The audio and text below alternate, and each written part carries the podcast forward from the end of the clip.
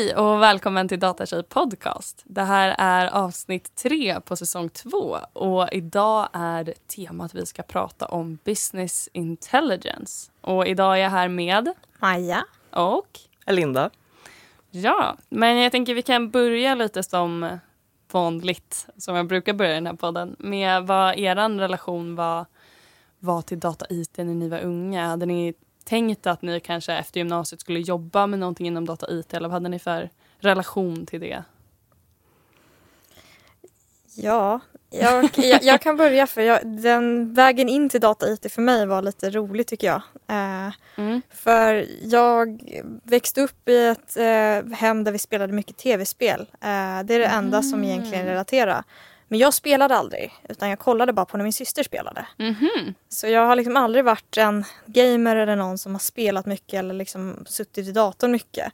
Det var The Sims kanske som, eh, som jag tyckte om. Ja. Eh, men jag pluggade sen faktiskt teknik på gymnasiet. Mm. Eh, och jag kom in på det spåret för att jag var väldigt bra på matte. Och jag, jag tänkte plugga samhälle, det var helt bestämt. Men eh, så fick jag ett eh, diplom för bästa matte NO-elev eh, i nian. Och så kände jag så här, men gud, jag kanske är bra på det här. Jag kanske borde plugga natur i alla fall så jag inte stänger några dörrar. Ja. Men det var fullt på naturlinjen på gymnasiet så då kom jag in på teknik istället. Eh, och hittade väldigt härliga människor där. Eh, vi var fyra tjejer i klassen av 20. Eh, men ja, och det är så jag kom in på det spåret från början. Mhm. Så det var lite, det var lite roligt. Slumpen.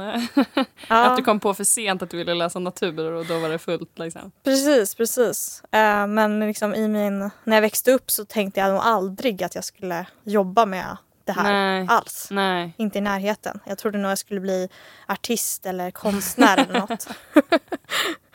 så ja, det kan vända. Och du då Ja. Linda? Ja, för min del så, när jag växte upp så hade vi Nintendo 8-bitar. Så det var ju så nära tv-spel jag kom. Jag hade liksom inte en annan värld. Och sen när jag började gymnasiet då så var jag bra i skolan. Jag hade höga betyg och då skulle man gå natur. Mm. Och egentligen ville jag gå i hästgymnasiet men sen så insåg jag att nej, men det kanske inte riktigt var det bästa då. Eh, för jag gillade ju faktiskt eh, liksom matte och så. Mm. Eh, och då var det natur man skulle gå. Mm. Men på den tiden så var det ju inte, man pluggade inte det tekniska. Utan då var det liksom att de som läste det var liksom de här riktiga ja, men så killarna Mm. som eh, liksom var de klassiska liksom nördarna, vad man ska kalla det sin för. egen dator och så vidare. Ja så men vidare. lite de, så här, det, var inte, det var inte till för oss vanliga. Det fanns ju typ inte knappt. Alltså, vi, internet fanns ju inte då på det Nej. sättet. Eh, jag fick min första dator i gymnasiet men jag tror inte vi hade internet på den. Utan Mm. liksom, jag växte upp på den tiden när det inte fanns alls. Liksom. Så det fanns inte på kartan. Nej. Eh, och det var väl bra på ett sätt för då gjorde man ju annat. Men eh, hade det varit idag så hade jag ju antagligen gjort någonting lite, lite mer åt det hållet i alla fall. Eh, nu var det mer så här, nej men natur och djur typ. Ja. Ungefär. Och bara, ja. Just det. Men du pluggade ju någonting, eller, eller förlåt, har, du har pluggat någonting annat först, eller? Nej, alltså jag, gymnasiet gick jag natur natur. Ja. Och sen så funderade jag på vad jag skulle göra, hade jättebråttom hemifrån. Eh, Så att då började jag jobba. Eh, Jag vet inte riktigt varför jag hade bråttom hemifrån, men jag visste inte riktigt vad jag skulle plugga. Jag tror att jag redan då tänkte lite så att men, plugga kan jag ju. Det är inte så noga. För det är bara att lära sig och jag är duktig på att lära mig. Mm. Och sen har inte jag, hade jag liksom inte kompisar som heller riktigt pluggade. Så då var det med jobb. Och sen så började jag tjäna pengar. Och då var det så här, "Ha, vad ska jag göra nu? Och då ville jag bli polis. Så sökte jag till polishögskolan men hade inte fått körkort än så det gick inte så bra. Eh, och sen skulle jag bli hälsovetare där en sväng och då hade jag en pojkvän. Så bara, nej jag kunde inte flytta. Men alltså så super, eh, sådana grejer som man idag kanske skulle råda någon till att inte göra. Men jag tror inte det var så mycket vuxenstöd då på samma sätt liksom. Det fanns inga poddar eller så. Nej, att, men eh, jag tänker också att man... eh, Att, så här, jag tänker om du tittar tillbaka så kanske inte det har gjort jättemycket. Nej, verkligen ingenting. Alltså det är jobbigt när jag ska köra en hisspitch och säga att jag egentligen från grunden så är jag civilingenjör. Och den kan jag inte säga. Alltså det är där jag saknar Ah, liksom, den här ah. fina utbildningen. Ja, Eh, men annars har jag efter gymnasiet så jobbade jag och sen så gjorde jag lite strökurser sen efteråt. Vart Mm. efter att jag har liksom jobbat på olika, med olika saker. mm, Eh, så att, eh, ja, nej, ingen IT förrän eh, ja, för tio år sedan kanske drygt. Ja, 15 kanske. Ja. Mm. ja, Maja, du har ju pluggat en klassisk gedigen. Jajamän, jag gjorde den klassiska. Jag tänkte också, jag vill flytta hemifrån. Och då eh, kom jag här från Stockholm och så tänkte jag, ja, va- hur ska jag kunna flytta hemifrån? Eh, för i Stockholm om man pluggar på KTH till exempel så visste jag att då blir jag kvar i eh, föräldrarnas lägenhet eh, i Mm. många år till. Mm. Så då drog jag till Göteborg och pluggade på Chalmers. Eh, och då började jag IT just, informationsteknik. Mm. Eh, för att ja, jag stod och funderade mellan teknisk fysik eller IT. Men jag såg lite fler jobbmöjligheter om man pluggade IT. Mm. Och jag ville, såg också att det kunde vara kul att plugga. Och teknisk fysik fick jag lite skrämmande historier om att man måste plugga, man kommer kugga tentor. Så tyckte jag att IT lät lite mer lagom nivå på. Mm. För Mm. mina, eh, liksom, man kommer få jobb, man får konkreta kunskaper och konkreta eh, bra skillset helt enkelt Mm. för att ta sig an arbetslivet. Eh, vilket kändes lite tydligare än att bli en teoretisk fysiker Mm. eh, som kändes så här, ah, oj, vad ska man göra då? så det var lite praktiskt lagd att jag ville testa det. Mm. Eh, Men hur tror du, var det någonting i gymnasiet liksom som fick dig att så här, ja men eh, de, teknisk fysik och IT, det känns som att du redan var ganska smal. Ja, gud ja. Men jag, alltid, jag älskar fysik. Alltid Mm. gjort det. Eh, och jag pluggade just, det fanns två inriktningar på tekniklinjen. De hade design och produktframtagning. Och så hade de eh, programmering, det hette typ IT. Eh, Mm. och jag gillade inte riktigt lärarna i design och produktframtagning.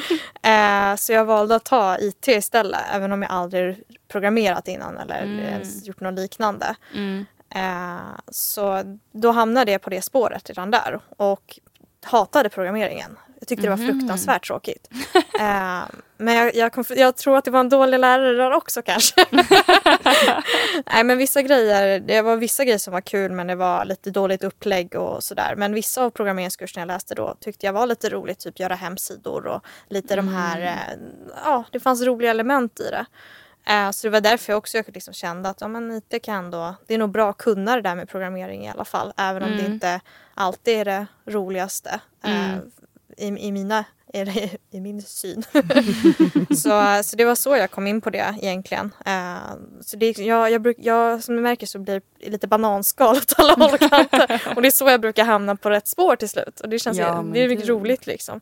Behöver Ja. inte ha det planerat in till minsta detalj. Utan det Nej. brukar lösa sig. Ja. Lite så. ja, men verkligen. Men eh, Linda, hur, eh, hur gick din resa sen då? när, när du sa att för tio år sedan så... Ja, jag jobbade ju eh, efter gymnasiet eh, och eh, bland annat på, på stora bolag. Eh, Mm. Jag jobbade mycket med processer. Jag har alltid älskat logik. Eh, Mm. jag gillar processer jag gillar att liksom förbättra saker. Så jag jobbade många år på UPS, alltså United Parcel Service, med logistikbiten. Liksom. Gjorde, Vänta, det är leverans... ja men precis, bruna bilarna bilarna. man ser. Mm, mm, exakt. Så där liksom, då hade jag jobbat lite olika saker, men där var jag, det var liksom mitt första långa jobb. Så jag var Mm. där många år och jag trivdes otroligt bra. Ehm, och fick chansen att göra många olika saker. Eh, och jag var ändå liksom ung, eh, oerfaren och ganska liksom så här, hade väl var liksom ganska framåt så jag lyckades få till, skrev ett brev, för det gjorde man på den tiden, till eh, han som var högsta chef i Sverige och sa att "Men jag tycker att en sån här roll behövs eh, och den vill jag ha. Och han bara okej kör. Så då fick jag liksom byta från kontorsbiten ner till liksom packhuset som det kallades för. Så det var jag och massa killar. Eh, och jag tyckte det kändes helt naturligt att vara där. Eh, så jag jobbade ganska länge med att liksom byggde upp massa olika roller. Eh, och sen så fick jag barn Mm. och då bytte jag jobb. Och sen 2010, tror jag det var, Då ville jag byta jobb och då fanns det ett bolag som heter Kreditor. Och jag Okej. var såhär, vad är kreditor? Så mm. Då hade väl internet kommit så jag googlade på det. Eh, och bara typ så här, vad är det här för konstigt? Eh, så bara, ska jag söka den här rollen? Så bara, vad konstigt. Så, så hade jag en kompis som jobbade på Handelsbanken. Och hon bara, nej men de där, de där är ju bra. Mm. Och det var ju Klarna då, som precis hade liksom, eh, jag tror att de där någonstans var liksom i skiftet Klarna till Kreditor. Eh, och då började jag jobba på Klarna. Ah. Och det var ganska tidigt i, ändå liksom i, eh, i deras liv. Eh, Mm. Och jag började jobba som teamlead för en finsk fraudavdelning. Eh, och då handlade det om riskanalyser. Men det var ju inte dataanalys än. Mm. Eh, utan då var det mer manuellt. Men eh, sen 2011 eller 12 eller vad det var så gick de ju in i Europa. Det var Mm. lite skillnad när man gick in i de andra länderna. Så bedrägerierna ökade lite och man insåg att de behövde jobba med data. Mm. Och jag kommer aldrig glömma när det var typ okej, nu kommer IT ner för att ni ska få lära er SQL. Eh, och det var så här, Wow. jag tror jag var gravid då också. Eh, och så kom de ner från sin grotta tror jag de sa. Alltså jag kommer inte ihåg, jag kanske typ minns fel. Någon annan får väl liksom visa sin bild av det. Men då kom någon till oss och sen så stod vi vid whiteboarden. Och sen så kommer jag ihåg hon som jag jobbade med, det var typ så okej, så select all from och någonting, någonting. Jag bara kände så här, my god, min gravidhjärna klarar inte av det här, jag vill bara åka hem. Eh, Men sen kom jag tillbaka från min mammaledighet och då hade man omorganiserat lite grann. Och eh, då var det liksom eh, SQL som gällde. Mm. Eh, Och först var jag liksom Vänta, men en lite- liten informationsbubbla Ja, för SQL. studenter. eller, ja, SQL eller, eller- SQL. Ja, exakt. Så så- det är ett språk för att hämta ut data ur databaser kan man säga. Exakt, exakt. Eh, Nu får du fortsätta. Ja, det får, ja. Eh, Så det började jag skriva och eh, det visade sig att jag var rätt bra på det. Mm. Eh, dock så fick jag höra från en chef där eh, att nej du Linda, om man börjar plugga eller om man börjar öva kod när man är vuxen så blir man aldrig bra på det. Nej, Och jag kände bara så här, nej men nu, hallå. Skärp dig. Ja, Ska faktiskt. jag, nu ska jag motvisa dig. Ja, fast det gjorde jag faktiskt inte utan jag lämnade Klarna sen. Eh, för det var inte, eh, jag, ville, jag var inne på projektledning och CRM och sånt. Mm. Eh, men gillade liksom kod. Ja. Eh, Så att det det var då Kul. data kom in i mitt liv och liksom sydde ihop allt jag hade gjort innan. Ja. Eh, Så att det var då jag blev lite så datafrälst kan man Ja. säga. Eh, Så där började min dataresa. Ja, vad kul. Mm. Men ska vi kanske, eller vi, ni, berätta vad business intelligence Just det. står för? Ja, Vad är det för något? Det är Jag har klart, Knappt någon eh, aning. klart oklart. Nej, det, är- det är ganska... Det man kan säga om business intelligence är ju att det är egentligen ett fancy ord för någonting som egentligen bara är analys mycket. Mm. Men varför man säger business intelligence är för att man pratar mer om att man ska ta den här dataanalysen och göra det till intelligens. Alltså vad kan man göra för att ta för beslut med den här datan? Mm. Så det handlar egentligen om att driva business intelligence, alltså driva eh, företagsbesluten liksom, genom det. Och de- Datadrivna beslut. Som känns Ja, det är precis och då handlar det väldigt mycket om visualisationer också då, att man ska visualisera data. Ja. För oftast så är ju mänskliga hjärnan om den kollar på en stor eh, ja, bara data i en eh, jättestor eh, tabellformat liksom. Mm. Det är inte så lätt för människans, eh, en vanlig människa att se och dra slutsatser och förstå. Nej. Men om man lägger in det här istället i olika dashboards, eh, alltså en, helt enkelt med olika grafer och filtreringar och sånt där som man kan göra, Mm. där man kan börja leka runt med datan. Då kan du plötsligt hitta nya insikter Mm. och där blir det det här business intelligence. Det är typ jag, så jag skulle sammanfatta det i alla fall. Jag vet inte, har- delar du min uppfattning eller missar jag något? Ja, alltså BI har ju funnits, vilket då är kort för business intelligence, har ju funnits liksom sedan 50-talet så det är liksom inget nytt. Nej. Eh, och det är ganska vanligt med de här begreppen att de kommer från någonting som hände för länge sedan. Mm. Och sen hänger de kvar. Och då var det kanske lite tydligt vad det var. Men med tiden så liksom addas det på mer och mer saker. Som läggs i den kategorin. Precis, liksom. Så precis. nu ingår skitmycket där. Precis, så många Mm. definierar BI liksom som att ja, men det är ett system, ja det är Power BI. Och man bara, ja det är inte riktigt ett system utan det är liksom ett sätt att göra saker på. Mm. Eh, men för mig handlar det väl om att använda data smart i, eh, i affären. Eh, och att liksom använda data i processer till att stödja på massa olika sätt. Och det har ju förändrats. Det var ju mer controllers, alltså de som jobbade mycket med ekonomi och sånt som Ja. jobbade med liksom BI så. Och Ja, eh, ekonomisystem och sådär. Eh, och sen har det väl tillkommit liksom customer intelligence och de ska handla om kunddata. Fast i princip Ah. samma sak. Ah, Eh, och sen så, ja, det utvecklas ju. Så att använda data smart intressant. tycker jag väl så lite kort. Ja, ja. Ja. men det är kanske en bra, bra sammanfattning på, på det tycker jag också. Men det är också att, och det är väl det som är lite svårt när man söker roll, alltså jobb på med BI. Mm. Att det, finns ju en del som har ganska mycket med IT att göra med liksom data warehousing, alltså förvaring av data och Mm. datalager och Och insamling av Ja men, data. ja men precis, Alltså, hela ja. den biten som handlar om att men hur ska vi få dit det? Mm, Så att det går mm. faktiskt att använda. Eh, men sen så har du ju liksom resten av det hela som handlar om att okej, du ska kunna använda det också. Mm. Och då kanske det handlar om att ta liksom, hundratals tabeller med hundratals kolumner och Mm. försöka klura ut, så, "Ha, hur ska det här användas då? Till att skapa en visualisering eller en rapport eller en bild. Eh, så det är ett väldigt, väldigt brett spann. Mm. Och, och däremellan ska man ju då också förstå vad den här användaren vill. Mm. Och jag vet inte hur din upplevelse är, men de är oftast ganska svåra för de vill ha något som är bra och snyggt gud. och liksom bara så här den här visionen är så himla bra. Klassisk kunder som Ja. inte vet vad de vill ha. Exakt, och så kommer man och bara ja, alltså hur vill du att det här filtret ska säga egentligen? Mm. Och man lite så här, va? Vad menar du? Nej men det, jag känner igen det där för jag började ju då som business intelligence konsult. Mm. Mm. Och då gjorde vi just eh, för, för bolag som ville analysera sin data så hjälpte vi att sätta upp och då använde vi Klick. Och Klick är då en, så det här kan vara bra bara så här, det finns Power BI, det Mm. finns Klick, det finns Tableau och sen finns det som är de största skulle jag säga eh, just nu. Sen finns det massa små Men då det är verktyg. Precis, och det är verktyg egentligen för att både hantera upp det, liksom, vad ska man säga, eh, extrahera, ladda eh, och eh, jag försökte ETLa här.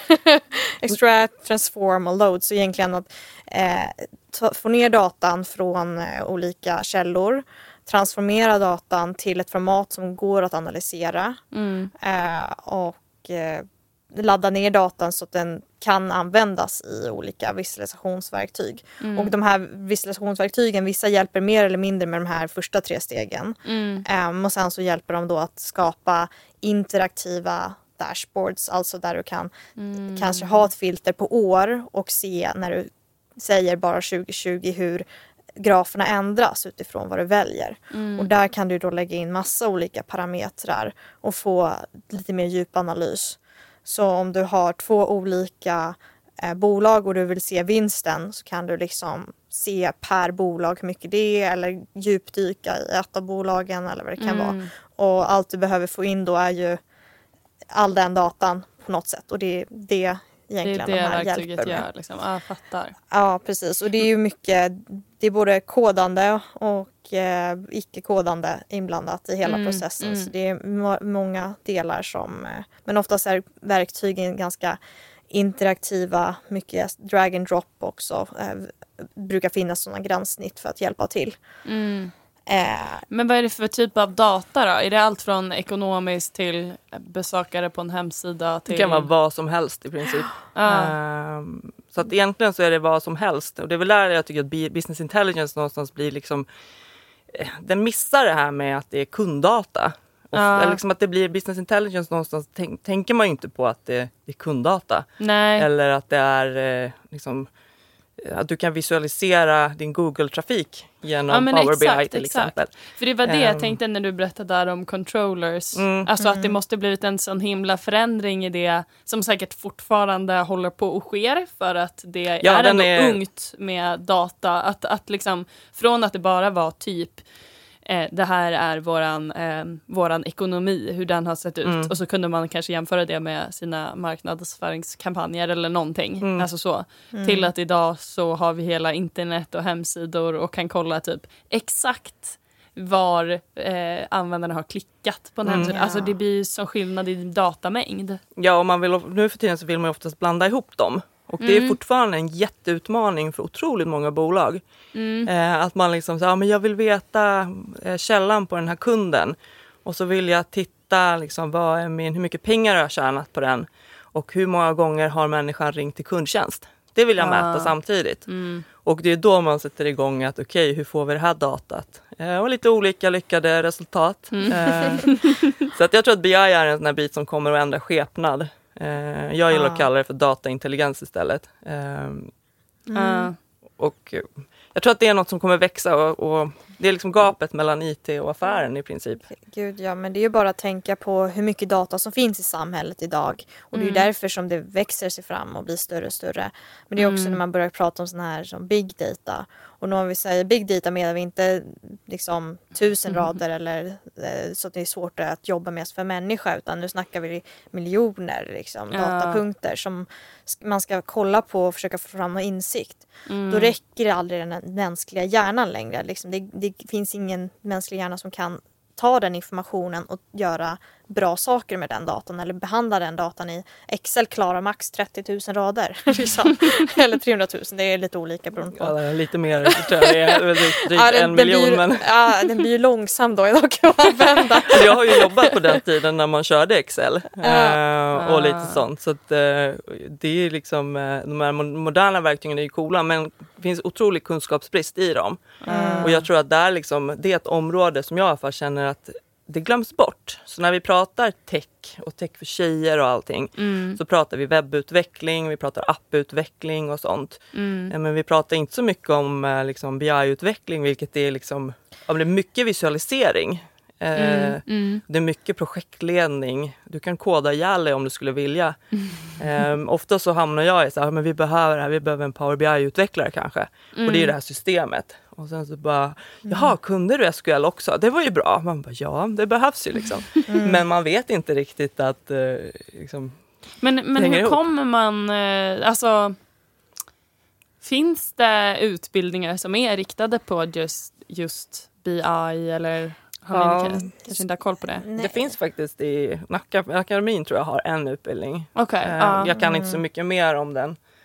Men annars handlar det väl mer om att eh, jag lärde mig vissa, vissa delar som jag lärde mig i vissa kurser, till exempel i databaser. Ja. De hjälpte mig väldigt mycket när jag väl började jobba som business intelligence konsult. Mm. För det är, samma, det är oftast samma tänk i det här, så SQL då. Alltså det att man ska hämta data och formatera den lite och sådär.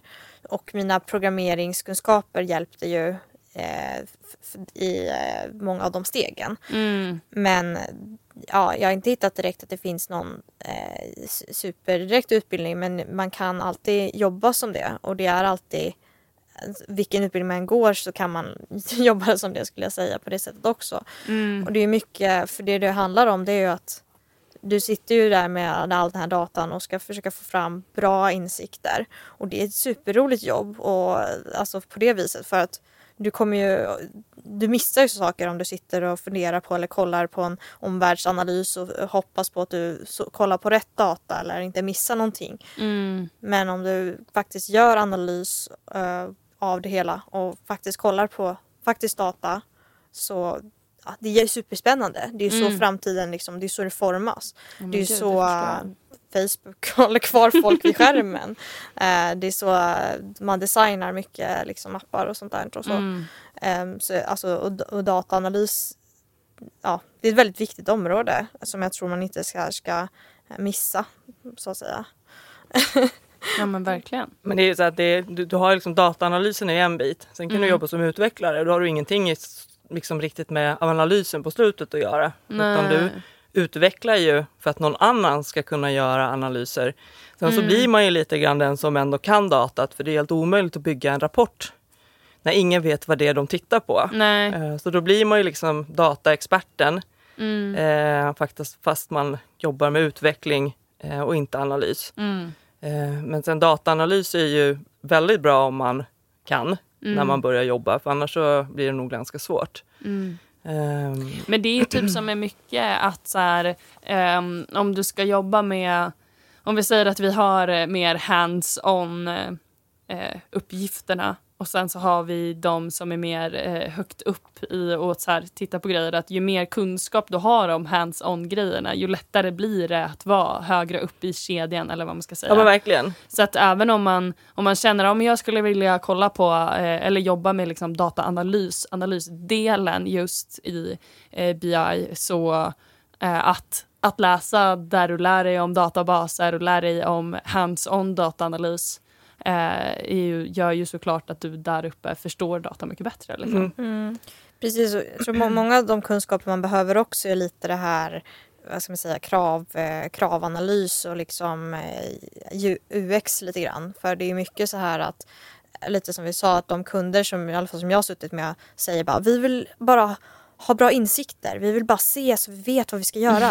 och man bara okej, jättebra men vad, vad är era mål? Liksom? Vad, vad, vad siktar ni efter då? Liksom, vad är det vi vill öka? Vilken, vilka är målen? Liksom? Mm, vilka KPIer måste man liksom Alltså bestämma sig KPI. för? KPI står för eh, Key Performance indicator. Men- Precis, så det är egentligen en, om man säger att eh, för ett vanligt bolag så är total sales, alltså hur mycket försäljning man har, det är ett, en typisk KPI som, Ah, okej. som alla bolag följer. Nyckeltal. Ah. Ett nyckeltal, precis. Ah. precis. Det blir Fattar. mycket på engelska. eh, nej, men, och, men de kan, och det är klart vissa som försäljning, det är kanske en uppenbar, men de kanske har att de försöker hålla ner eh, eller få så många att komma tillbaka som möjligt. Och då får man ju se, okej hur mäter vi det? Och eh, med den data som vi har eh, och hur visualiserar vi den eh, kopin på ett bra sätt eller det, nyckeltalet på ett bra sätt. Mm. Eh, och det som är häftigt med eh, business intelligence eller data intelligence och sådär, det är att man jobbar ju ofta med med som du säger liksom C-level, alltså att man jobbar med chefer, man jobbar med de som eh, liksom behöver den här informationen. Ah. Så man sitter oftast inte, i alla fall på mindre bolag, så att man, liksom att man, man jobbar ofta med cheferna egentligen. För det är de som behöver de här insikterna för att Mm. ta sina beslut. Mm. Det är ju mycket det att det är ju beslutsunderlag du tar fram. Ja. Så även min, för mina första jobb som jag satt på så satt vi ändå med vds för olika stora, eh, liksom, eh, stora, stora men medelstora bolag i alla fall. Ja. Eh, och det är lite coolt också för då sitter man där plötsligt med personer som man bara, åh de här skulle jag nog inte träffa annars. Nej, nej, Eh, så, så det är ändå också en ganska cool grej med den rollen. Du sitter ändå och så sitter du med som viktig data att eh, de vill höra vad du har att säga och de vill, de vill ha de här sakerna. Mm. För de vet, alla som i alla fall insett värdet av data vill ju ha det här. Mm. Eh, och de, de som inte har insett det ännu, de kommer nog hamna, alltså de kommer hamna i, vad säger man, kommer försvinna så småningom. Alltså för man, Mm. det, det är ju så här man jobbar nu. Man, Ja. Att man måste ha, ta datadrivna beslut på ett eller annat sätt i alla fall. Mm. Och då är det här ett bra, bra verktyg i dagens, eh, eller bra verktyg, men ett bra sätt i Mm. dagens eh, samhälle. Ja men verkligen. Och det jag tror också är att om man säger att man har pluggat ett, eller liksom gått gymnasiet och Mm. börjat jobba Mm. Och så känner man så här, jag vet inte riktigt vad jag ska göra. Eh, om man då är på en avdelning där man vill ha rapporter eller något liknande kan man ju alltid börja med de här Excel-filerna Mm. och bara liksom okej vänta här nu, vi har data. Hur ska jag kunna med de här filerna visa hur någonting går? Mm. Och bara liksom att börja gö- jobba i det, den miljön eh, Mm. med att skapa liksom olika grafer och öva mer på ja, men, pivottabeller som finns i Excel som fortfarande de flesta inte har en aning om hur de funkar. Så det är ganska lätt ändå att eh, liksom, bli ganska duktig ganska fort Mm. och, och öva sig upp till den rollen. Liksom. Mm. Sen är det ju såklart bra om man har li- liksom, teknisk eh, kunskap och så, men det funkar så kan du Power BI idag eh, så är du en av få. Eh, Mm. kan du Tableau också så är du ännu färre. Mm. Eh, och liksom, det finns programmeringsspråk i de här systemen också som det är brist på. Mm. Så att det är mycket att lära alltså det går att lära sig. ehm, och även fast det inte finns utbildningar så finns behovet. Så behovet går ju liksom lite före. Och man har inte fattat riktigt att, men vänta här nu. Någon måste ju förstå datat. Vi kan göra hur många liksom, coola grejer som helst. Men om vi inte fattar vilken data vi använder, om inte vi kan säga att det här är en kund, Mm. då är det svårt att göra kundrekommendationer. Mm. Så att det är ju det är mycket liksom dataanalys och intelligens och kunskap i Mm. BI. Ja, jag tänkte på det också. Liksom för eh, så som jag började, jag hade, visste inte hur det funkade. Jag visste inte vad klick var som jag började jobba i. Då. De bara, nu ska du bli klick, klickexpert. Okej, okay, superbra, då kör vi på det. Men då fick jag liksom gå massa utbildningar och det fanns jättemycket gratisutbildningar också som jag gick. Mm -hmm. alltså, som mhm. är öppna för alla. Mm -hmm. Så, eh, och liksom, det finns, fanns vissa gratiscertifikat som du kan få gratis via deras eh, community och sådär. Utan att jobba på ett bolag ens. Det är så det, superbra. Precis, man kan faktiskt få den kunskapen utan en utbildning så också. Mm. Eh, men då, det brukar hamna i Excel, det är som du säger, det är ändå där man, det är där man börjar. Och det är där, det är där folk är trygga. Så jag brukar ofta fråga liksom när, när de ska utveckla någonting, okej okay, men vänta här nu, ska du använda den här rapporten som du får i det här systemet eller vill du exportera ut data till Excel? Mm. Och det är ganska vanligt ändå att man säger, ja men jag vill ha det i det här systemet för att jag sen ska ta ut det och känna mig bekväm i en annan miljö. Mm. Så nivån är ganska låg. Ja. Eh, så att hoppar man liksom på nu, då är man ju expert ganska tidigt eh, ändå. Mm. För att mm. kunskapen är så otroligt låg bland... Eh, alltså många vet ju inte sina KPI. Så när man kommer och börjar prova prata om de här rapporterna som de vill ha så börjar man istället prata affärsprocesser. Mm. Så, okay, men vilken process är det ni vill mäta? Mm. Eh, så det, man är liksom en, eh, verkligen en, eh, ett mellanting av allting. Jag brukar säga att ja, men jag jobbar inte front eller backend, backend jag, alltså, utan i mitten mm, av allting. Mm, mm. Um, nej, men jag tror att man blir lite av en, liksom en spindel i nätet. Uh, och uh, man måste ha liksom, tålamod och fråga folk en miljon gånger uh, och inte ge upp. och jag tror att som tjej så passar man rätt bra till det där. Mm. Bara genetiskt av att liksom, någonstans vara inprogrammerad och ha tålamod med barnen typ. så man blir bättre biutvecklare efter man fått barn också? Uh. Ja men kanske, kanske. Eller så tappar man tålamodet lättare, oklart. Men jag tror, men jag tror ändå att det är mycket erfarenhet i det där i att liksom, för man har varit med och man vet att ah, okej, okay, just det, så här var det. Men eh, jag blir fortfarande förvånad över att, att man, eh, man börjar vilja ha rapporter innan man vet vad man vill se. Ja, men mm. gud. Det, är ju, mm. ja, det känns som att det är klassiker med ja. det mesta. Ja, men precis. Det är väl så vi funkar. Ja, uh, men just att det, det, är ett brett, det är ett ganska brett yrke. Mm. Kan man mm. säga. Uh, så man kan göra lite av varje, både på IT eller på affärssidan. Uh, och på IT så blir det lite annorlunda, men på affärssidan ja, så man måste vara ganska kommersiell ändå för att det ska funka. Mm.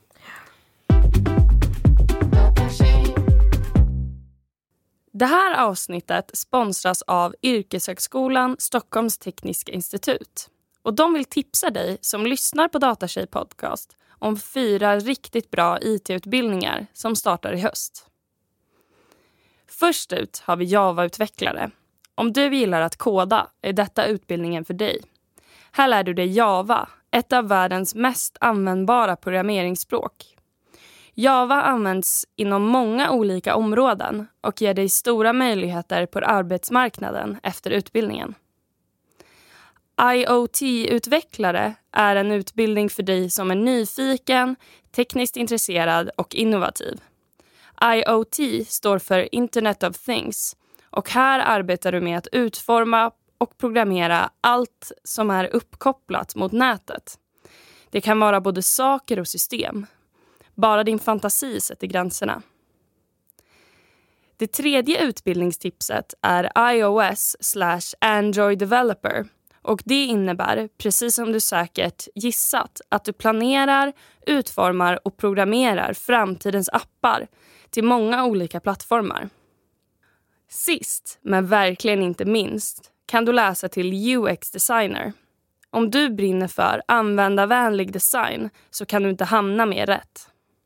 Programmen på Stockholms tekniska institut är två år och det ingår alltid två långa praktikperioder.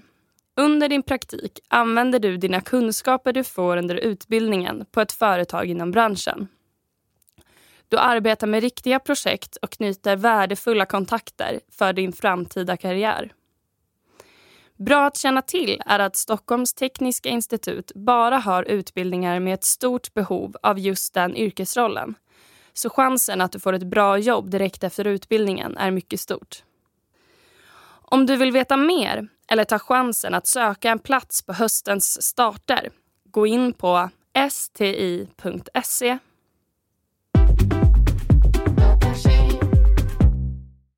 Det här avsnittet är sponsrat av Högskolan i Skövde. Det finns massor av jobb för dig att söka som vill jobba inom data och systemvetenskap eller inom cybersäkerhet som UX-designer eller dataspelsutvecklare. Jobben är många och personer med rätt kompetens är få.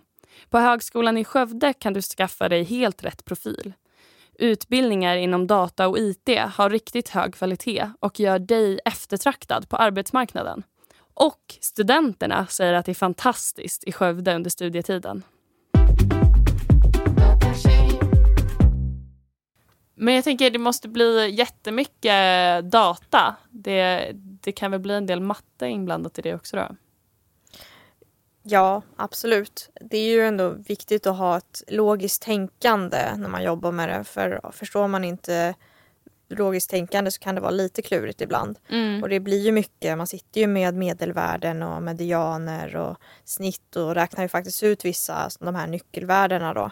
Mm. Eh, som kan vara ibland inblandade formler och sådär. Mm. Eh, och då blir det ju lite ja, statistik och annan matte som man faktiskt använder sig av. Eh, men det behöver inte, det beror lite på vilket stadie man är och vilken roll man har. Mm. Så det är inte alla roller som är tunga i det. Jag till exempel just nu är, lite dashboard designer som man säger. Så egentligen sitter jag bara och ser till att de kollar på rätt fält. Eh, Mm. och att det ser snyggt ut. Eh, och där är det ju ingen matte Nej. involverat. så det är ju lite olika beroende på vad du, vilken roll du kör lite. Ja. Ja, och så är det för mig också just nu. Att jag har inte, jag har mer att de vill mäta någonting och så måste man vara med och hjälpa till och liksom, ha, hur ska det här tas fram kanske? Ja. Eh, och sen får man klura sig i huvudet eller liksom fundera på att okej, Ja. hur ska jag ta fram det? Mer logik, så här, den här Ja, tabellen mer innehåller det där och Ja. då drar jag det därifrån dit. Och, Precis. Ja. Så att, eh, men jag tror att eh, alltså, mattekunskaper är ju bra att ha. Mm. För ibland kan man behöva liksom, okej, jag måste googla lite här. Hur var det man gjorde nu igen? Mm. Ja men gud, Men, Google eh, finns ju hela tiden. Ja, men skulle man inte älska matte så tror jag inte att det är ett hinder. Liksom. Snarare att man gillar logik och, och liksom lösa saker. Mm. Ehm, Ja, det blir väl inga differentialekvationer och sådana grejer i alla fall. Nej, Nej, precis. och de jobben kan man ju tacka nej till då. Precis, precis. Om man inte gillar det. Exakt. Ja, men nice. Men Mm. vad, vad jobbar ni med idag då? Eh, jag har mitt eget företag Mm. eh, som jag har haft nu i ett och ett halvt år ungefär. Mm. Eh, där jag jobbar som BI-konsult. Okej. Mm. Så att, eh, ja, jag kör det. Och då är, du, är det företag som kommer och behöver... Ja, precis. Jag sitter jag, hos eh, olika företag. Eh, Jag har Mm. haft ganska långa eh, uppdrag. Okej. Så Mm. att egentligen är jag som en anställd, bara att jag är konsult eh, och fakturerar dem själv Mm. istället för att vara anställd på en konsultfirma. Eh, Mm. Så då är jag själv, vilket jag tycker är skönt. Eh, till det så måste man ju ja, måste ju se till att skaffa sina egna jobb. Det är ingen byrå som kommer och säger att nu ska jag till den här kunden. Utan man får ju marknadsföra sig lite lagom. Ja. Eh, Så, att, ja, så jag tycker det är roligt. Inte bara liksom själva yrket utan också allt runt omkring med att ha ett bolag. Eh, vad bokföring och allt det där. Ja, Mm. Okej.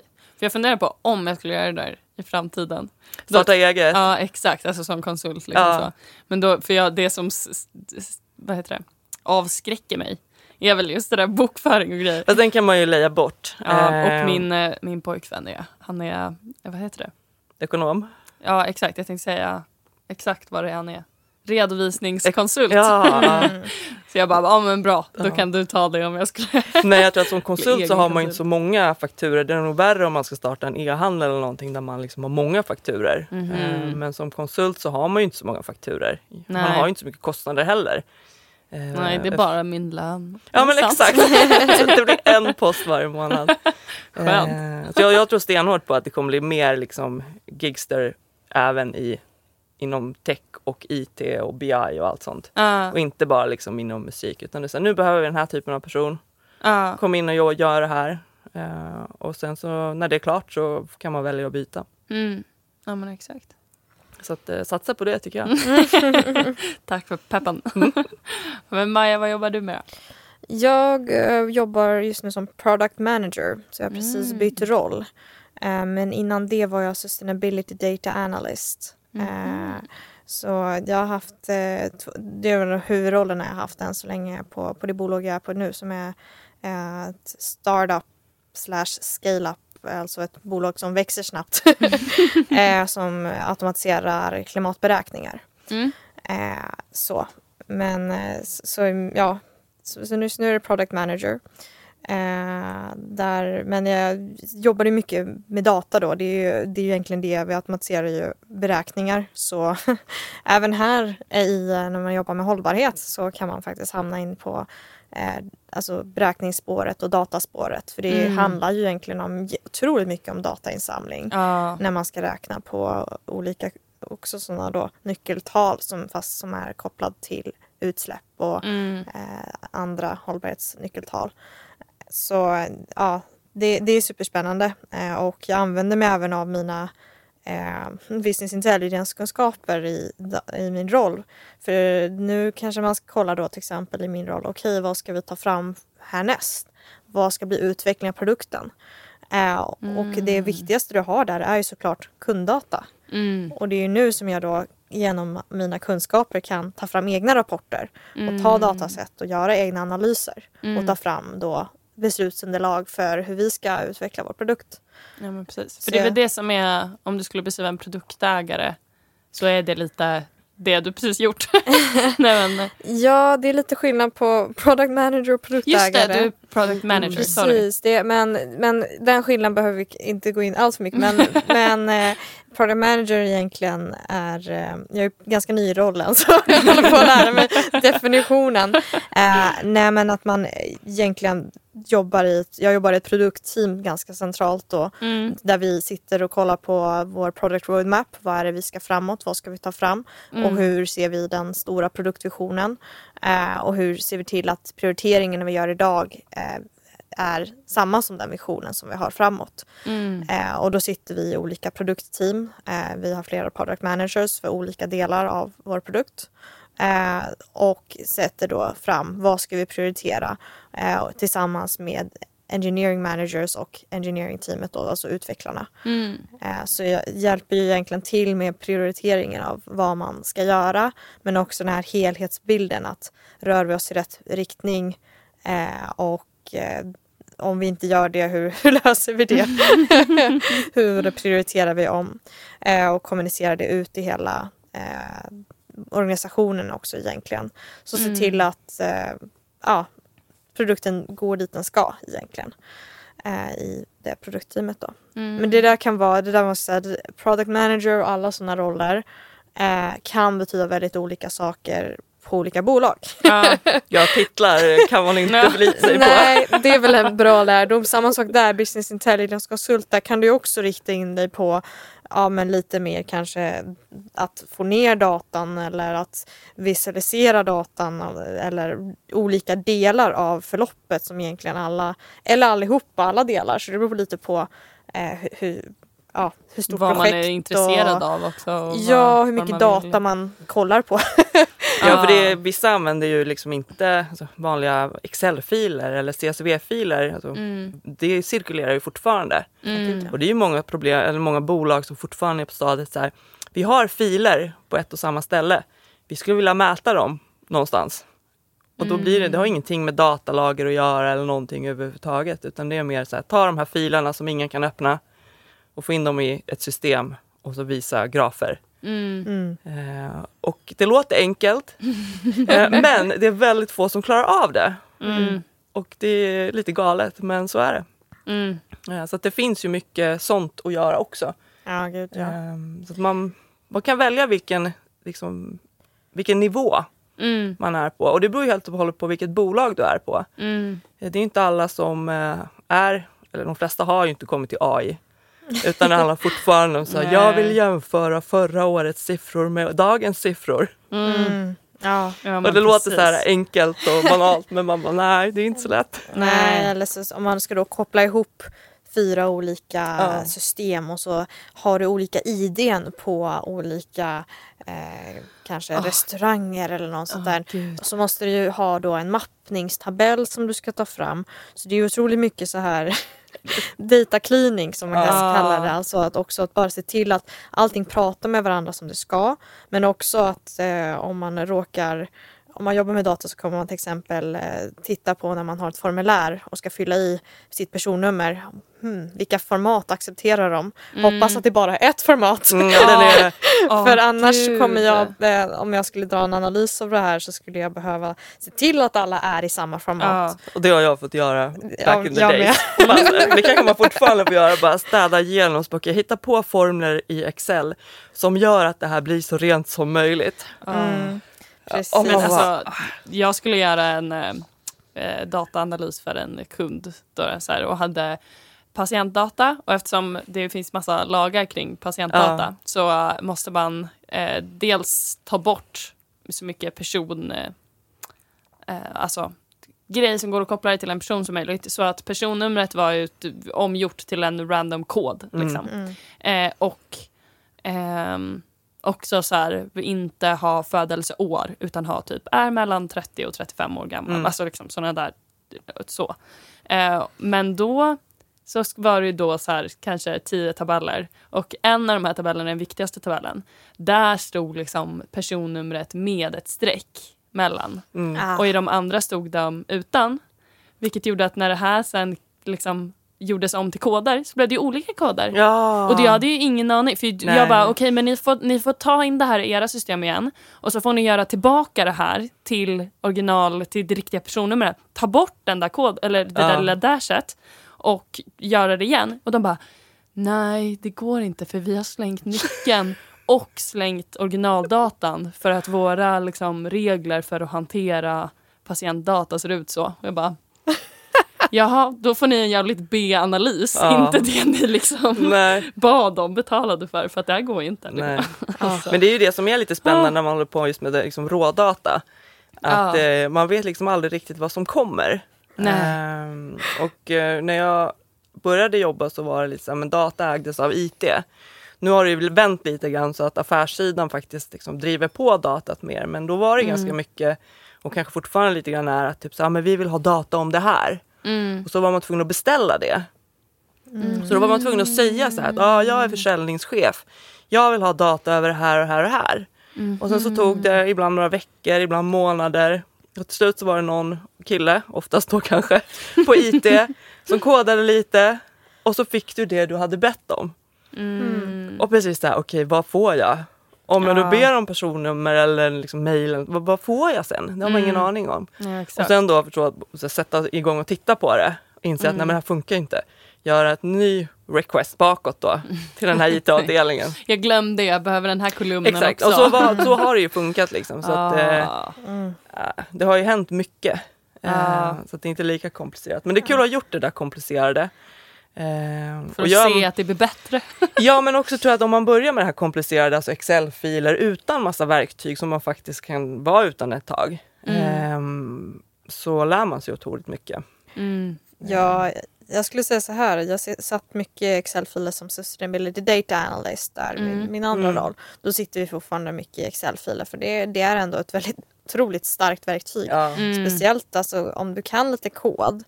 Eh, du kan ju koda allt möjligt. Du kan sätta in makron och sånt där till och med alltså, som gör automatiskt liksom, lägger in olika ja, ja, det substitute-funktioner, alltså sådana här jättebra Ja. funktioner. Jag har tipsat tidigare en gång i podden om att alla borde gå en Excel-kurs. Ja. Jag, jag borde också göra det. Jag är Ja. så dålig i Excel.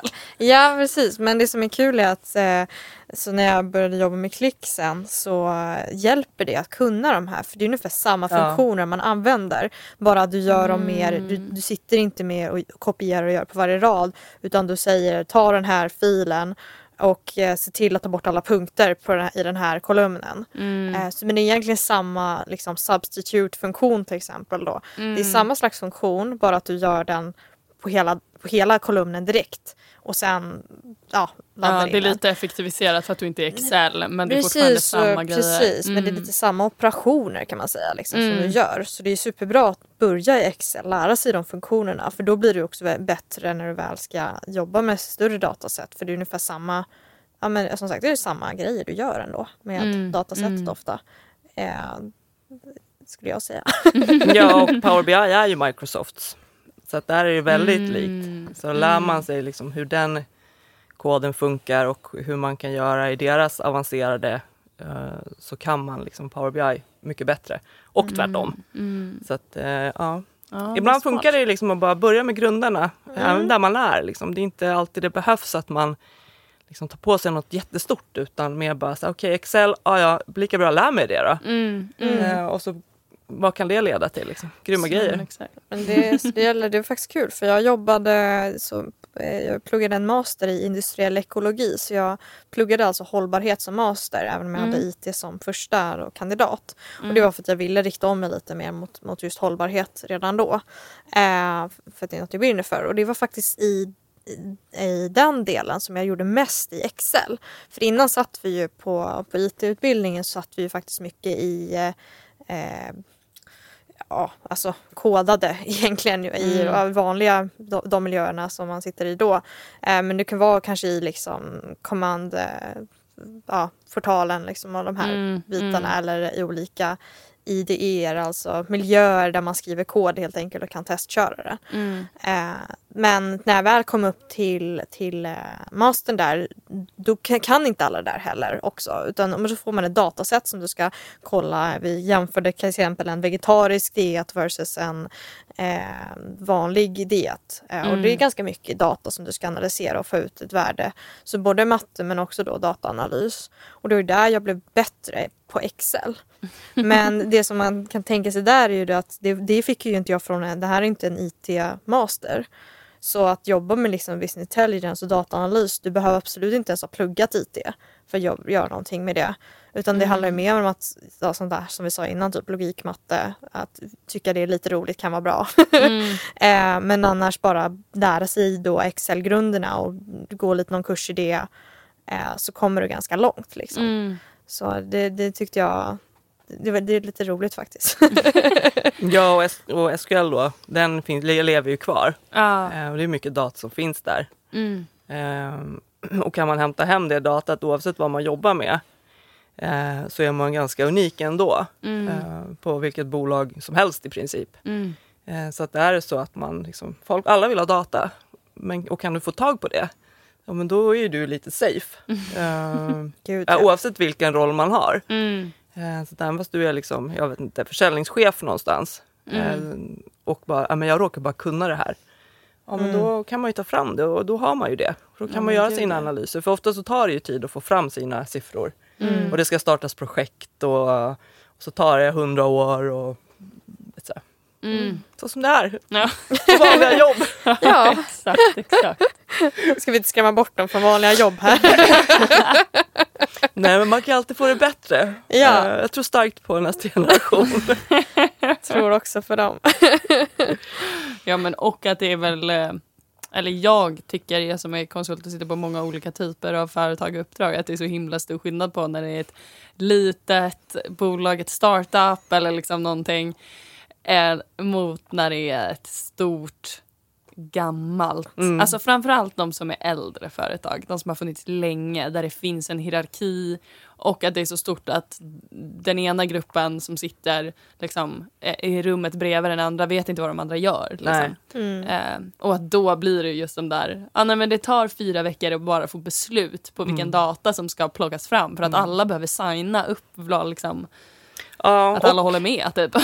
ja, och att det är mycket liksom, gamla system, legacy-system. Ja. Eh, nya Ja, det är bolag klart. får ju välja från början vad de ska använda för något. Mm. Men stora bolag har ju oftast gamla system och där är det också, krävs det också ganska mycket BI i att när man ska flytta över. Att du Ja. ska gå till exempel från ett gammalt system som börjar bli jätteomodernt och det finns ingen support och man får inte göra som man vill. Mm. Till att okej nu ska vi plocka hem det här datat så att vi har det någon annanstans. Och sen så ska vi använda ett nytt system för att Mm. liksom visa siffrorna. Eh, och det är mycket sånt och det är otroligt komplext ofta för att det är så gammalt. Mm. Så det är kanske folk som liksom i 30 års tid har utvecklat saker liksom på varandra. Eh, och dokumentationen finns inte. Nej. Eh, Classic. Så ska, Ja. det, alltså ska den hämta data därifrån. Så här, ja, men nu ska jag, vilken, rad, eller vilken kolumn jag ska hitta. Liksom, vad, vad jag ska kolla på. ja, och om man Alla får. interna namn på kolumner bara på data. Alltså det också. Att man bara, vad står PKTVF understreck understreck för? Bara, Uppenbart. ja, exakt. De visste det förr innan vi outsourcade och IT gick över till någon annan. Ja, Det om. Man bara, ja, det var bra. Oj, vi kallar in den här personen som blivit pensionerad så att den Ja, kan komma tillbaka och berätta hur det här funkar. Ja. Nej, men det kommer nog ta många år innan man är liksom klar. Ja. Ehm, Jag tror aldrig att man kommer vara alltså, helt klar. Det kommer alltid finnas, eller just nu känns det så i alla fall för det är ändå hela, alltså det här hur mycket data som finns och Det dataanalys. kommer alltid komma nytt. Ja precis, det kommer alltid komma nytt och det kommer ju alltid liksom finnas lite till data att ta av och det skapas ju bara mer data i samhället för varje sekund som går. Mm. Det är väl, finns väl någon sån där, varje sekund där är det ja, hur mycket data det är som flödar liksom i samhället. Mm. Eh, och, att, och det man snackar om där är just att mycket av datan är helt outnyttjad. Den bara flyger och ingenting händer med den. Mm. Och det är det som man gör här. Det är att ta den datan och massera den lite. Mm. Och se, okej. Now what? Och det svåra är ju det att det är ju inte, IT använder ju inte data på det sättet. De har jobbar ju inte med affären. Liksom. De sitter inte Nej. och kollar vilken kund som köper eller om försäljningen går bra eller Mm. liksom så. Eh, men det är ju där datat finns. Mm. Och sen finns ju behoven hos människor som jobbar med det. Och det är ju som två olika världar. Ehm, Mm. så att har man liksom teknikintresse och affärsintresse så passar man ju bra liksom i mitten. Ja men verkligen. Ehm, och det är där BI är, är grymt bra. Mm. Fler borde hitta hit, tycker jag. Precis. Ja men kul. Mm. Tack för idag hörni. Tack själv. Tack. Kul att ni var här. Jättetrevligt. Eh, Så vill jag också tacka Tom Gorren för introt och Sonica Studio för att vi får spela in här. Alltså tycker jag att alla som lyssnar ska bli medlemmar på Datatjej på datatjej.se och följa oss på Instagram, Facebook och LinkedIn där vi heter Datatjej. Och har ni några frågor, förslag eller tankar om podden så kan ni mejla mig på medlem. Tack för idag! Tackar.